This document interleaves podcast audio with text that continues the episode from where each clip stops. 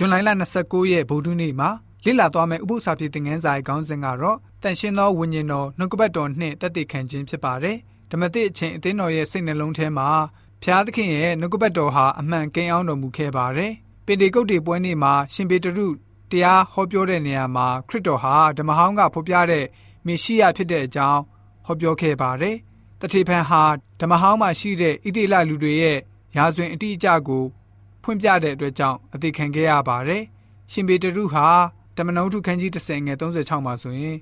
ဣတိလအမျိုးထံသို့ပေးပို့သောဖျားရှင်ဤနှုတ်ကပတ်တော်ဆိုပြီးတော့ပြောခဲ့တာတွေ့ရပါတယ်။အဲ့ဒီနောက်မှာရှင်ပြန်ထမြောက်ခြင်းအကြောင်းကိုကောနေလိကိုဝေငှပေးခဲ့ပါတယ်။ရှင်ဘောလူဟာတစ်ကြိမ်ပြီးတစ်ကြိမ်ဓမ္မဟောင်းကကြိုတင်ဟောပြောချက်တွေကိုပြန်ပြီးတော့ဖော်ပြပေးခဲ့ပါတယ်။အဲ့ဒီပြောတဲ့အကြောင်းအရာကတော့မေရှိယအရှင်ကြွလာလိမ့်မယ်ဆိုတဲ့ ပြောဖက်ပြုချက်စကားပဲဖြစ်ပါတယ်။အေသီယိုပိအမတ်ကိုဖိလိပ္ပုဆုံတွေ့ရတဲ့အခါမှာဟေရှာယ53ကမေရှိယကြွလာခြင်းဆိုင်ရာကြိုတင်ဟောပြောချက်တွေကိုအသေးစိတ်ရှင်းပြပေးခဲ့ပါတယ်။အချိန်ဒီတိုင်းမှာတပြည့်တော်တွေဟာထထဖျားရှင်ရဲ့နှုတ်တော်ထွက်တွေကိုကြွေးကြော်ဟောပြောခဲ့ကြပါတယ်။ပြောဖက်ဟောထားချက်တွေကိုသာပြန်ပြီးတော့ညှိုးဆိုပြောကြားကြပါတယ်။ မိမိတို့ကိုယ်ပိုင်အတွေ့ကိုယ်ပိုင်စကားတွေကိုလုံးဝအသုံးပြုခြင်းမရှိပါဘူး။တန်ရှင်းသောဝိညာဉ်တော်မှုတ်သွင်းတဲ့နှုတ်ကပတ်တော်ဟာကိုယ်ပိုင်တကူပါရှိပြီးသားဖြစ်ပါတယ်။တမန်တော်ဝုဒ္ဓခန်းကြီး၄ငွေ၄ငွေ31တမန်တော်ဝုဒ္ဓခန်းကြီး၈ငွေ၄တမန်တော်ဝုဒ္ဓခန်းကြီး73ငွေ48ငွေ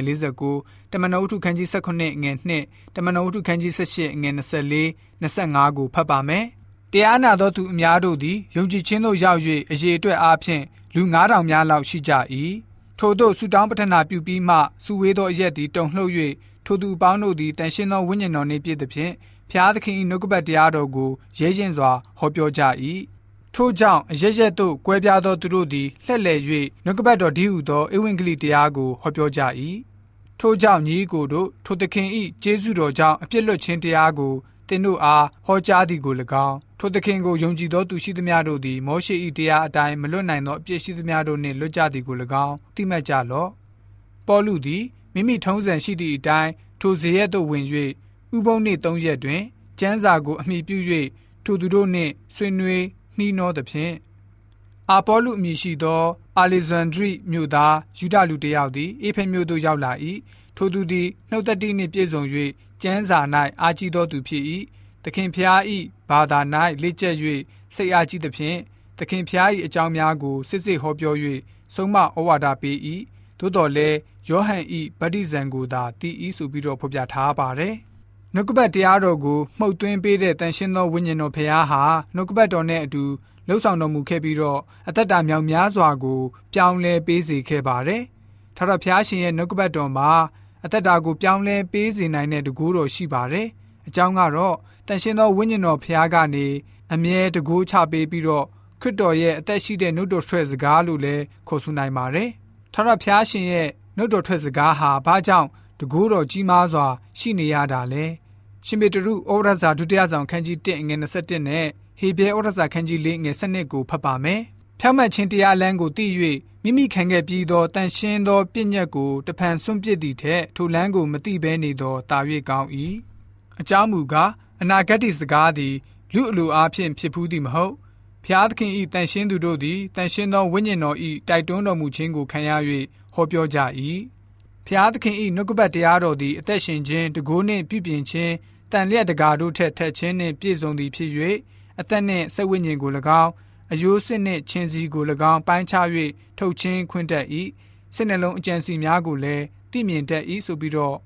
ဖော်ပြထားပါတယ်ဝိညာဉ်တော်စာပေဖြစ်တဲ့ Ejikwai Education စာမျက်နှာ126မှာဆိုရင်ဘယ်လိုမျိုးဖော်ပြထားလဲဆိုတော့ကဘာကြီးဖြစ်တည်လာစေဖို့ဖျားရှင်ရဲ့နှုတ်ထွက်စကားတော်နဲ့ဖန်ဆင်းခြင်းစွမ်းအားကိုအသုံးပြုခဲ့ပါတယ်။အဲ့ဒီနှုတ်ကပတ်တော်မှာတကူတော်ပါရှိပါတယ်။အသက်ကိုမှုတ်သွင်းရှင်သန်လာစေပါတယ်။ အမိန့်တော်တိုင်းမှာဂတိတော်ပါရှိနေပါတယ်။လူအင်ဆန္ဒနဲ့လက်ခံပေးပြီးတော့ဝိညာဉ်ကိုပိုင်ဆိုင်စေပါတယ်။အနန္တတကုရှင်ထံတော်ပါကနေအဲ့ဒီအသက်ကိုရယူလာခဲ့ပါတယ်။မူလတဘာဝတည်ရှိရာကနေဝိညာဉ်ကိုပြန်လည်ဖန်ဆင်းမှုပြုပြီးတော့ထာတော်ဖျားရဲ့ပုံတံတော်နဲ့အညီလူကိုဖန်ဆင်းပါတယ်ဆိုပြီးတော့ဖော်ပြလိုထားပါတယ်။တမန်ကျမ်းစာမှာတကိုးတော်ရှိရခြင်းအကြောင်းကတော့ကျမ်းစာကိုမှုတ်သွင်းတဲ့ဝိညာဉ်တော်ဖျားက အဲ့ဒီနှုတ်ကပတ်တော်ကိုတကူးမှုတ်သွင်းထားရှိတဲ့အတွက်ကြောင့်တကူတော်ပါရှိပြီးတော့ကျွန်တော်တို့ကိုပြောင်းလဲစေတာဖြစ်ပါတယ်တခြားသူတွေကိုဖျားရှင်ရဲ့နှုတ်ကပတ်တော်ကိုဝေငှပြောကြားတဲ့အခါမှာတန်ရှင်းသောဝိညာဉ်တော်ဟာသူတို့ရဲ့အသက်တာကိုပြောင်းလဲစေပြီးတော့အဲ့ဒီကျမ်းစာကိုတကူချပေးပါတယ်ထာဝရဘုရားဟာမိမိရဲ့နှုတ်ကပတ်တော်ကိုကောင်းကြီးပေးမယ်လို့ဂရုတော်ရှိခဲ့ပါတယ်ကျွန်တော်တို့လူသားတွေရဲ့စကားကိုကောင်းကြီးပေးမယ်လို့ဂရုတော်ပေးတာမဟုတ်ပါဘူးအဲ့ဒီတကူဟာ ဖျားရှင်ရဲ့နှုတ်ကပတ်တော်မှာရှိပါတယ်လူသားတွေရဲ့အတွေးခေါ်အကြံစီမှာအဲ့ဒီတကူမရှိပါဘူးဆိုပြီးတော့တန်ရှင်းသောဝိညာဉ်တော်ရဲ့နှုတ်ကပတ်တော်နဲ့ပတ်သက်ပြီးလှုပ်ဆောင်မှုတွေကိုသိစေဖို့အတွက်ဗုဒ္ဓနေ့ဥပုသ္စာဖြစ်တဲ့ငန်းစာကဖော်ပြပေးထားပါတယ်